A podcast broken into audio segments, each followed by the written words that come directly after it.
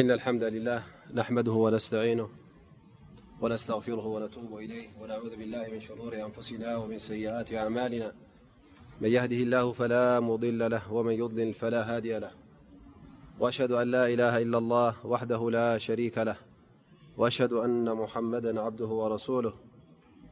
وصفيه من خلقه وخليله فصلاة ربه وتسليماته عليه وعلى آله وصحبه ومن سار على نهجه واتبع هداه إلى يوم الدين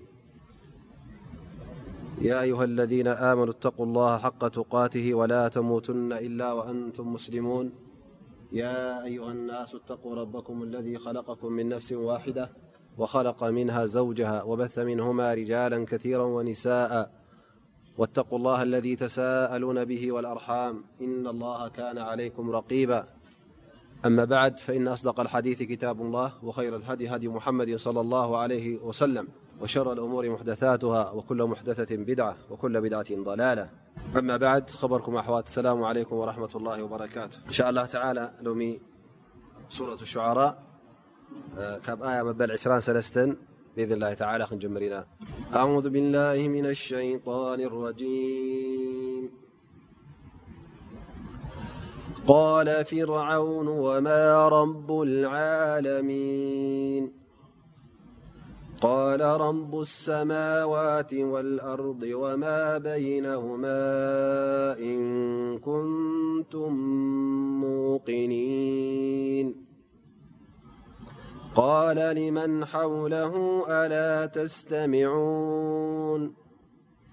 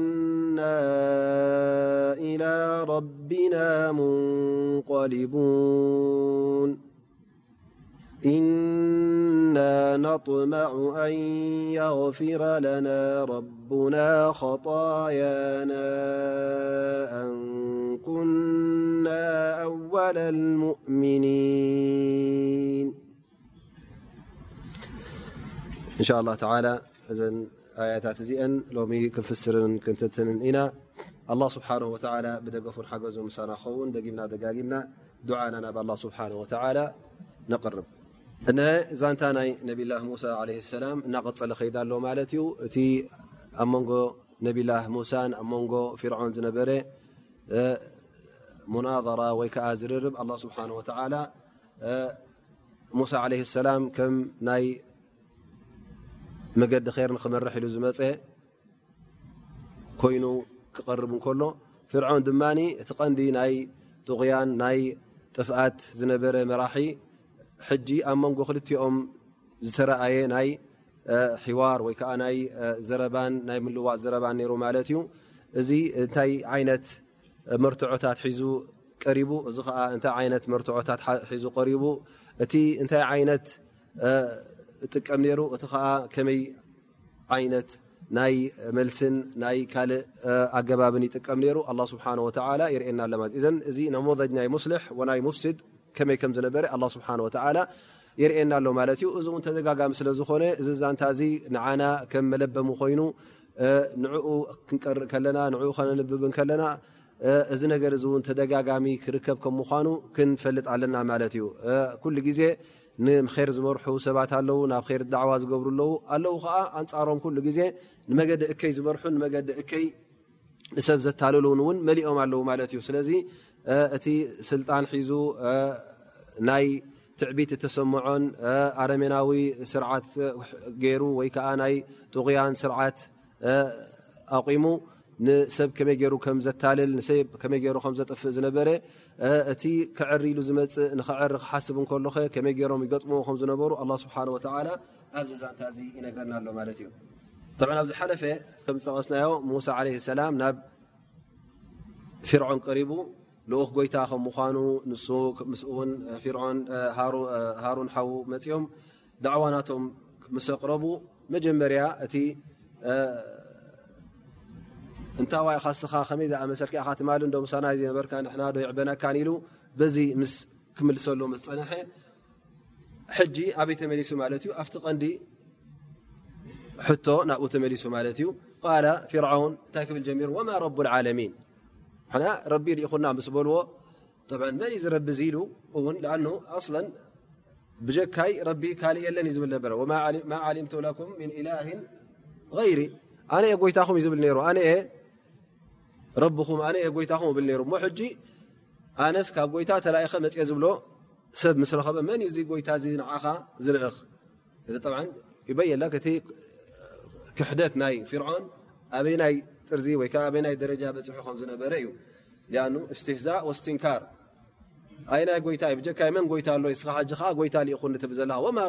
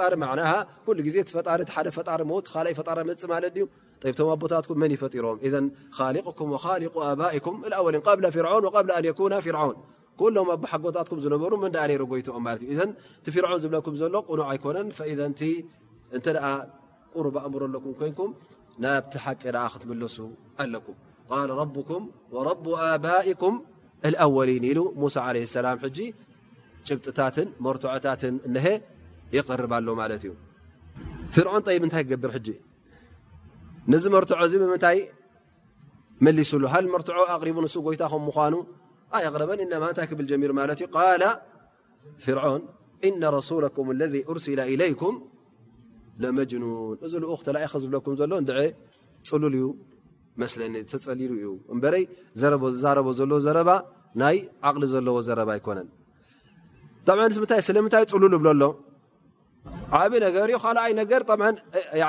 እቲ ኩሉ ፍርዖን ዝኣሰሶን ዝመስረቶን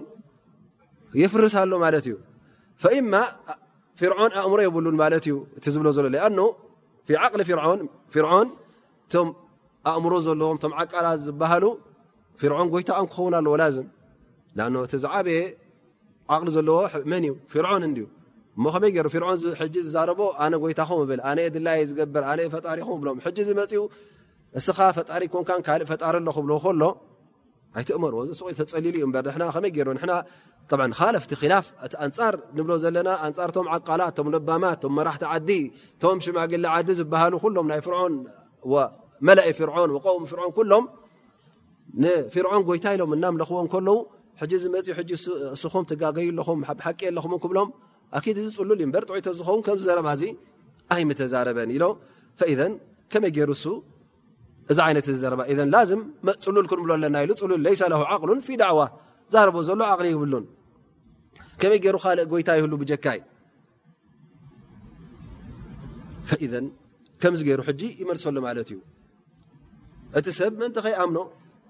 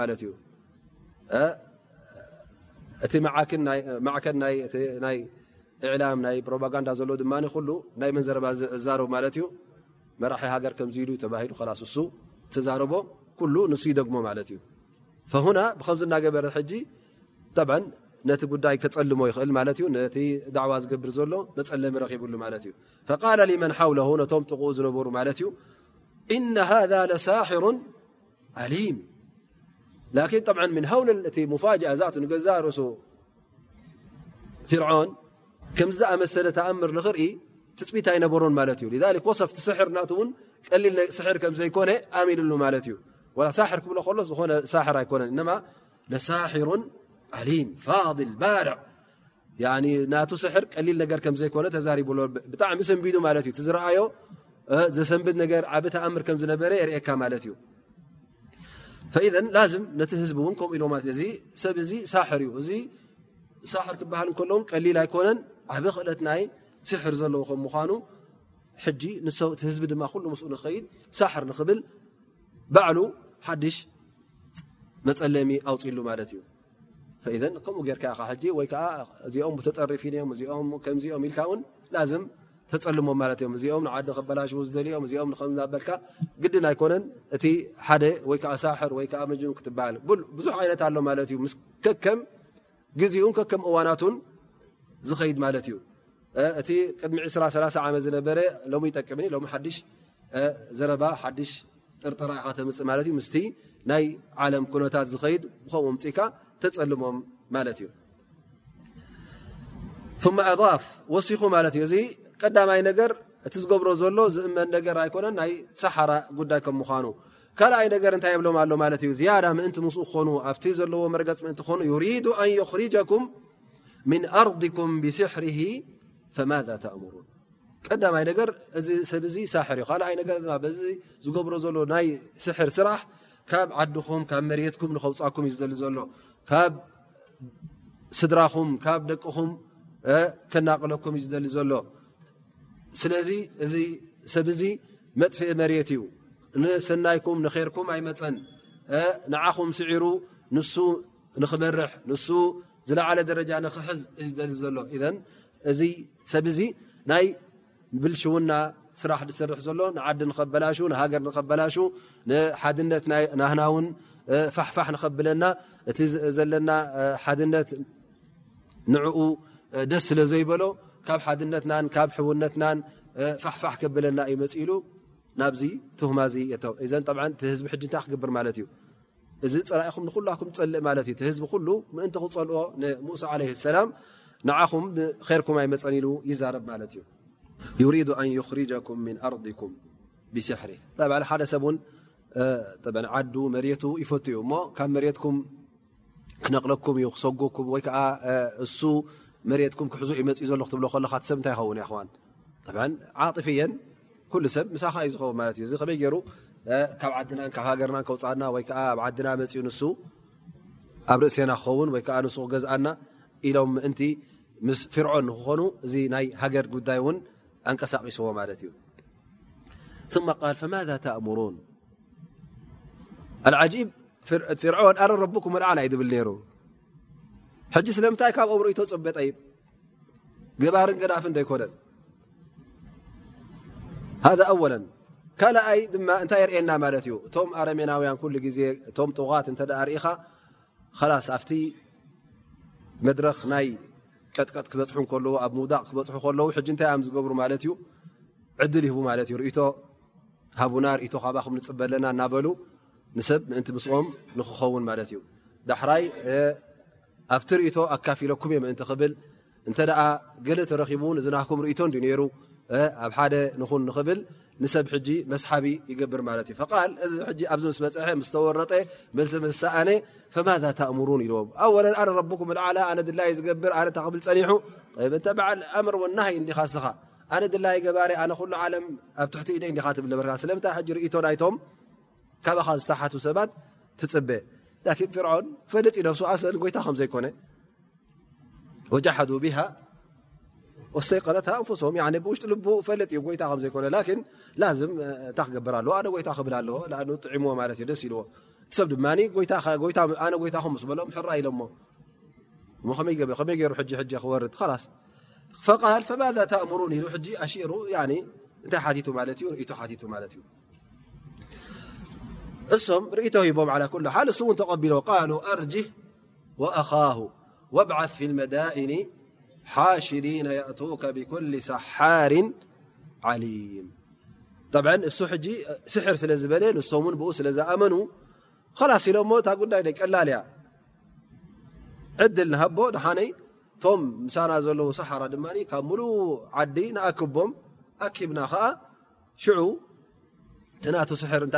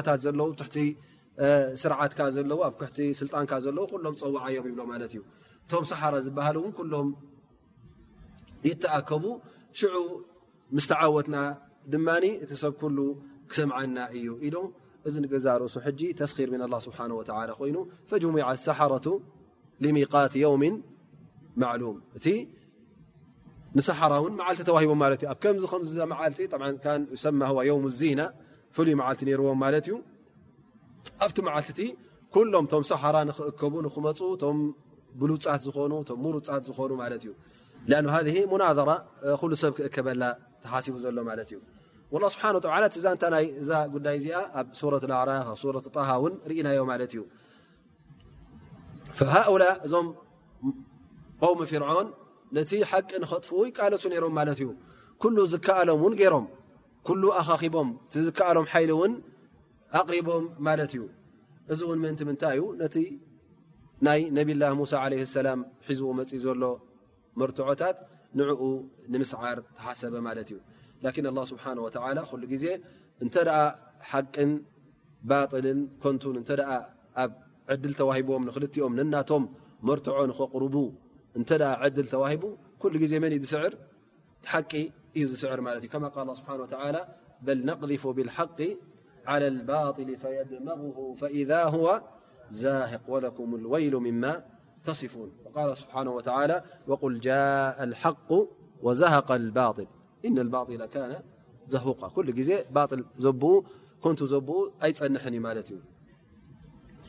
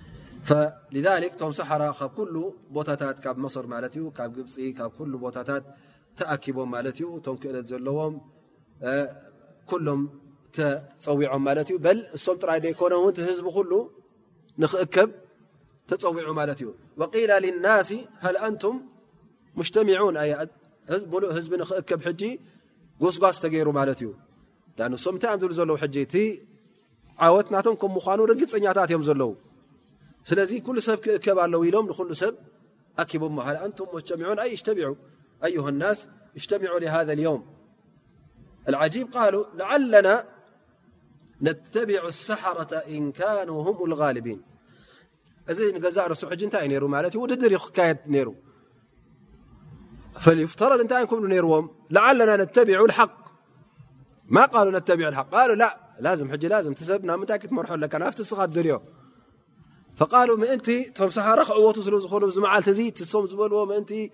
ፀብለልትነት ከርኢ ስለ ዝኾነ ምእንቲ ንዕኦም ንክንክተል ያላ ኩልኹም ተኣከቡ ኩሉ ሰብ ሙሃያ እንታይ ንምንታይ መፅኢ ማለት እ እንታይ ክርኢ ዓወት ናይቶም ሰሓራ ንክርኢ ውርደትን ውጥቀትን ናይ ሙሳ ንክርኢ ኩሉ መፅኡ ማለት እዩ ን ፕሮፓጋንዳ ሕጂ ኩሉ ከምይ ነይሩ ማለት እዩ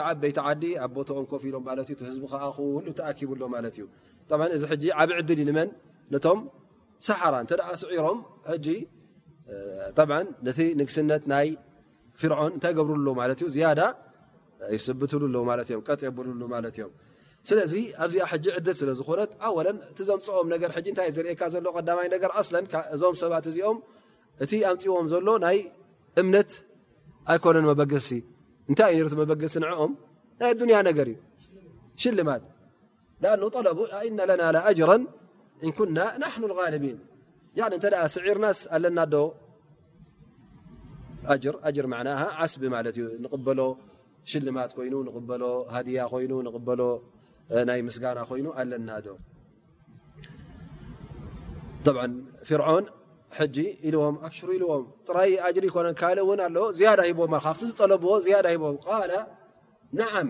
እወ ኣጆኹም ኣለኩም ወኢነኩም ኢዘን ለሚና ልሙቀረቢን ብዝያዳ ድማ ዝቐረብኩም ናባይ ክትኮኑ ኢኹም ካብቶም ሓሽያ ናተይ ኩሉ ግዜ ምሳይ ኮፍ ትብሉ ምሳይ ኣብቲ ቦታይ እትርከቡ ክትኮኑ ኢኹም ዓብ ታይ ሕሰብ ማለት እዩ ዓብይ ክብሪ እዩ ማለት እዩ ንጉስ ኣብ ድላይካ እዋን ምፃእ ምሳይ ኮፍበል ምሳይ ኣዕልል ድላይካ ትሓትት ድላይካ ትዛረብ ክብለካ ከሎ ኣብቲ ናቱ መጅሊስ ከም ድላይካ ትኣ ከም ድላይካ ትወፅእ እዚ ክበካ ከሎ ዓብይ ክብረት ይህቡካ ማለት እዩ ፈኢዘን እዞም ሰባት እዚኦም ሕጂ እቲ ዝጠልብዎ ዝነበሩ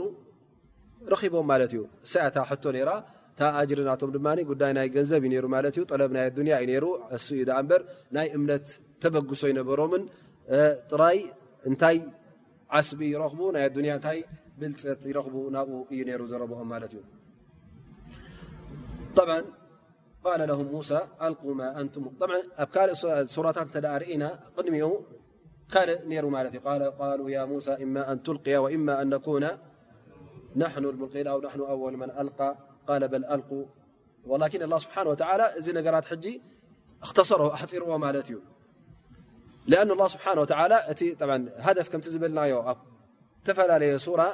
ነናቱ ተበግሶን ነናቱ ሽቶን ስለ ዘለዎ ኣላ ስብሓን ወተላ ሕጂ ኣብቲ ናይ መጨረሻ ጉዳይ ናብቲ ዓወት ናይ ሙሳ ዓለ ሰላም ብሕፅር ዝበለ መንገዲ ክበፅሖ ስለ ዝደለየ ኣላ ስብሓን ወተላ ኣብ ካልእ ሱራታት ውን እቲ ትንተና ዝያዳ ስለ ተጠቐሰ እቲ ጉዳይ ዛንታ ኣሕፅር ኣቢሉ እቲ ገለገለ ነገራት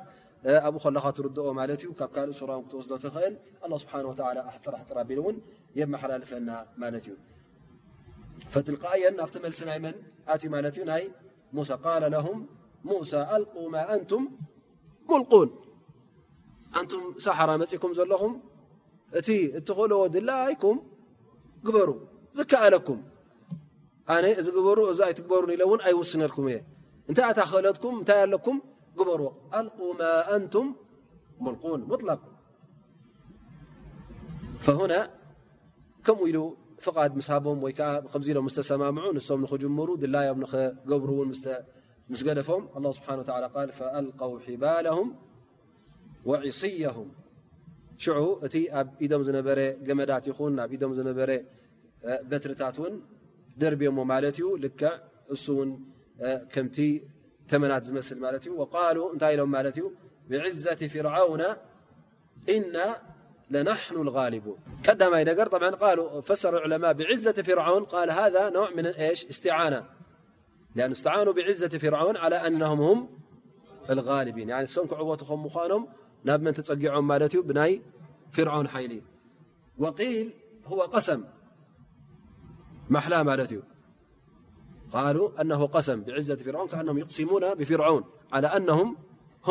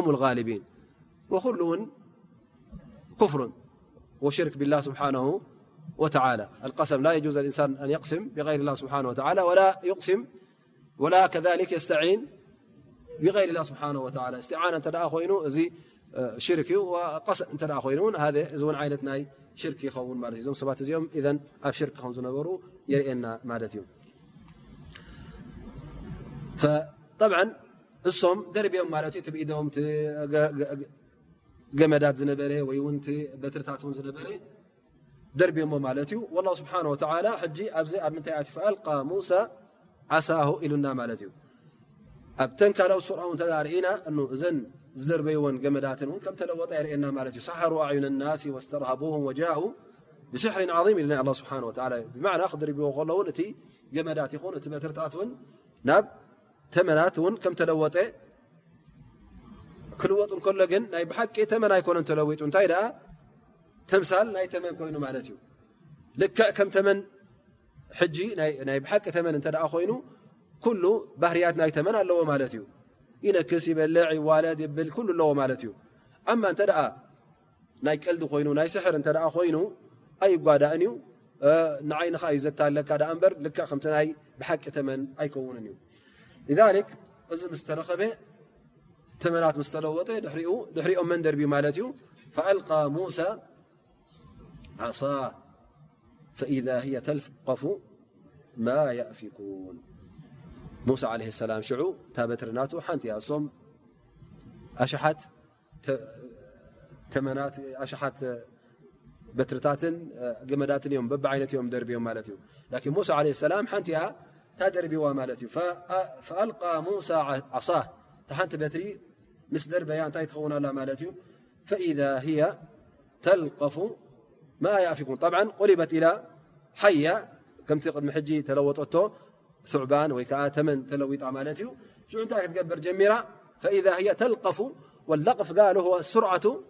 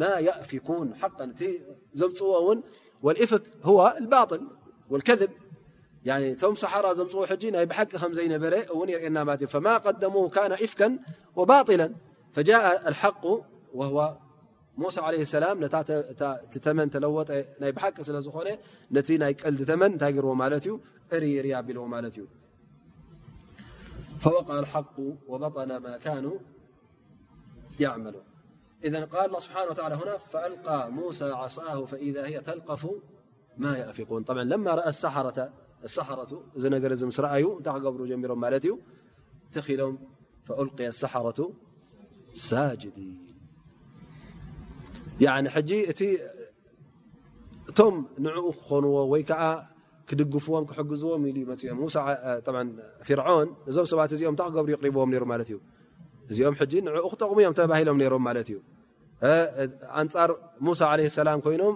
ብዝያዳ ድማ ካብቲ ዘገርም ጠብ ኣጆኹም ኢልዎም እሞ ኢነለና ኣጅረን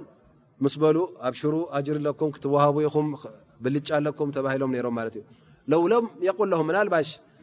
ሓንቲ የብልኩም ኢልዎም ሩ ዝኸውን ምናልባሽ እንታይ ምኾነ ሩ ኣብቲ ዛንታ ንገዛርሱ ፍርዖን ስለ እምቢ ዝበሎም እዞም ሰባት እዚኦም ከይተን ንፍርዖን እዮም ብሙሳ ኣሚኖም ዳኣ እምበር ናይ ኣዱንያ ስለ ዝደለዩ ዳኣ እምበር ናይ ብሓቂ ይኮነን ላኪን ሾፉ እኖ መጀመርያ እዞም ሰባት እዚኦም ናይ ብሓቂ ድልቶም ናይ ኣዱንያ ከም ዝነበረ እሞ ከዓ እቲ ተበግሶኦም እውን ናይ ብሓቂ ተበግሶ ከም ዝነበረ እቲ ዝከኣሎም ሓይሊ እውን ክገብሩ ከም ምኳኖም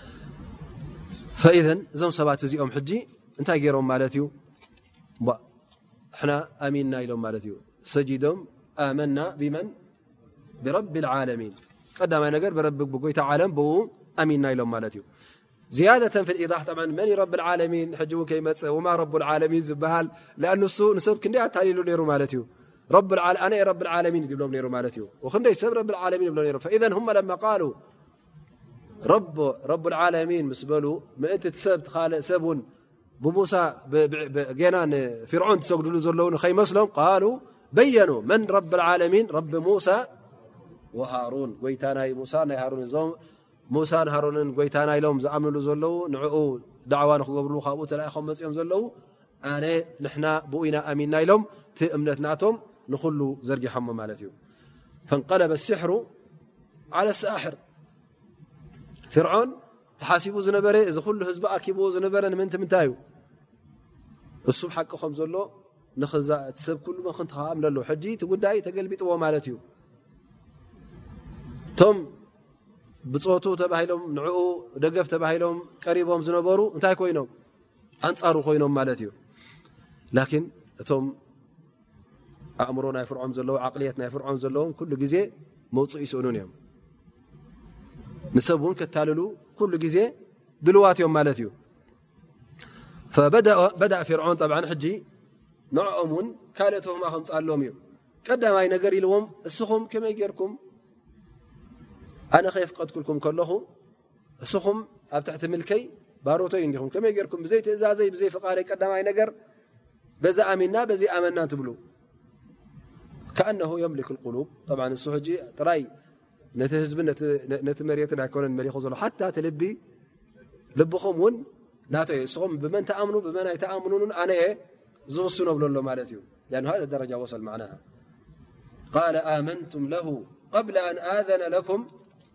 ገና ከየፍቀድኩልኩም ከለኹ ከመይ ጌርኩም ተኣምኑ ብኡ ከመይ ጌርኩም ካብቲ ናተይ ትእዛዝ ትወፁ ኣነ ን ድላይ ዝገብርን ዝገድፈን ኣነ ዝበልኩኹም ደይኮንኩም እትገብሩ ከመይ ጌርኩም ካብዚ ነገር ዝትወፁ ሽዑ እንታይ ክብሎም ጀሚሩ ማለት እዩ ትም ኣልጊብሎም ንዖም ንገዛእ ርእሶም ቃል እነ ለከቢርኩም ለذ ዓለመኩም ስሕር እዚ እቲ ዝስዒሩኩም ዘሎ ሕጂ ንሱ ስለ ዝመሃረኩም ንሱ ስለ ዝዓለምኩም እዩ ሃ ከላም እዚ ዘረባ እዚ ኣስለን እንተ ምስቲ ኩሉ ዛንታ ናይቶም ሰሓራ ናቶም ምምፃእ እተ ርእናዮ ዘይራኸብ እዩ ላን ላዝም ፍርዖን እንታይ ክገብር ኣለዎ ማለት እዩ መውፅኢ ክረከብ ኣለዎ ማለት እዩ ለውካን ቃል እዚ ቀደም ንስኹም ዘምሃርኩምዎ ኢኹም ኣብ ገዛይ ከሎ ብንእሽትኡ ከሎ እስኹም ዘምሃርኩምዎ ኢኹም ነፊዑ ከማኹም ኮይኑ ሓሊፉኩም ተዝብሎም ማለሽ ምተሰምዐ ነይሩ ላኪን እሱ ከምህሮም ሙሳ ሙሳ ዓለ ሰላም ብስሕር ኣይተፈለጠን ምስዞም ሰባት እዚኦም እውን ከምህሮም ኣይተረኸበን ኣብቲ ዓዲ እውን ምተወርየ ነይሩ ሳሕር ነይሩ ተዝኸውን ላኪን እሱ ሕጂ ናይ ግድን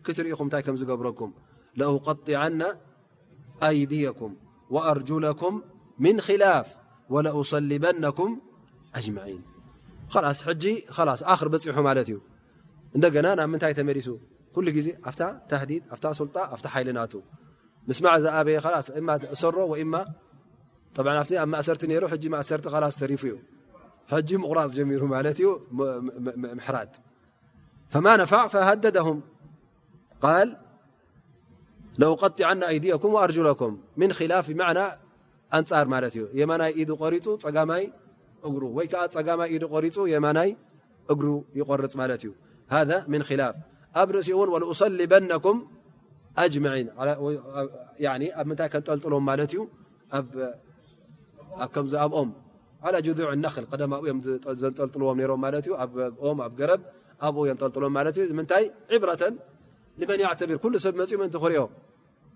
ተቆሪፁ ኢዱ ተቆሪፁ ተቀትሉ ተኸረአ ከሎ ሃذ እንታይ ማለት እዩ መፈራርሂ ድሕሪ ሕጂ ኣይ ዋሕድ ካብ ትእዛዝ ዝወፀ እዚኣ እዩ ኢልካ መሀደዲ ማለት እዩ ላስ እሱ ጥራይ ሓይሊ እዩ ዝዓጅቦ ማለት እዩ ሰብ ብናቱ ስለ ዘይከደ እማ ኣነ ዝብልክኹም ግበሩ ወይ ከዓ ትቕተሉ እዚ እቲ ዘረባ ዘሎ ማለት እዩ ወይ ስምዑኒ ወይ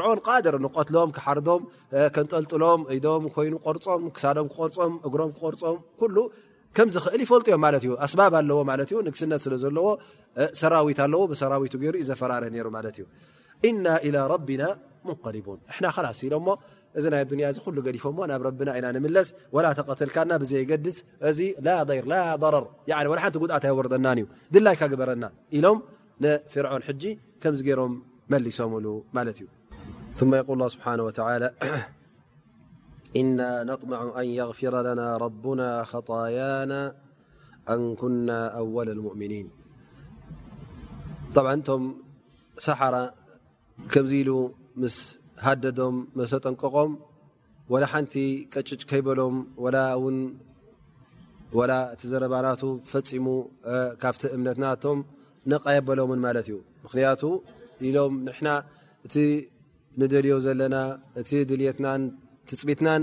ኣላ ስብሓን ወተላ ክምሕረና እቲ ዝገበርናዮ ገበናትና ኩሉ ክድምስሰልና ኢና ንደሊ ዘለና ምክንያቱ ንሕና ቶም ቀዳሞት ካብ ህዝብና ዝኣመና ንክንከውን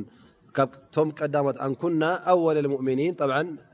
ቅድሚኦም ሙሳ ለ ሰላም ቶም ካልኦት በኒ እስራኤል እውን ኣሚኖም ም ብሙሳ ለ ሰላም ን ካብ ኣባጥ ካብ ም ፍርዖን ክሳዕ ኣብቲ እዋን እቲ ዝኣመነ ኣይነበረን ሕጂ ንሶም እንታይ ዶም ማለት እዩ ንና ካብቶም ቀዳሞት ዝኣመኑ ክንከውን ኣንኩና ኣወል ን ብሰበብ ዚ ኢማና እዚ ካብቲ ቀዳሞት ብምኳና ኣላ ስብሓን ወላ እቲ ዝንገብሮ ዝነበርና ገበናትና እቲ ጌጋታትና ኩሉ ምእንቲ ክምሕረና ኣሚንና ኣለና ኢሎም ከምዚ ገይሮም ይምልስሉ ማለት እዩ ንመን ንፊርዖን ወላ ሓንቲ ከይፈርሁ ከለዉ ወላ ሓንቲ ውን እቲ ቃል ኣትሎም ዝነበረ ናይ ብልጫ ይኹን ናይ ካልእ ዓይነት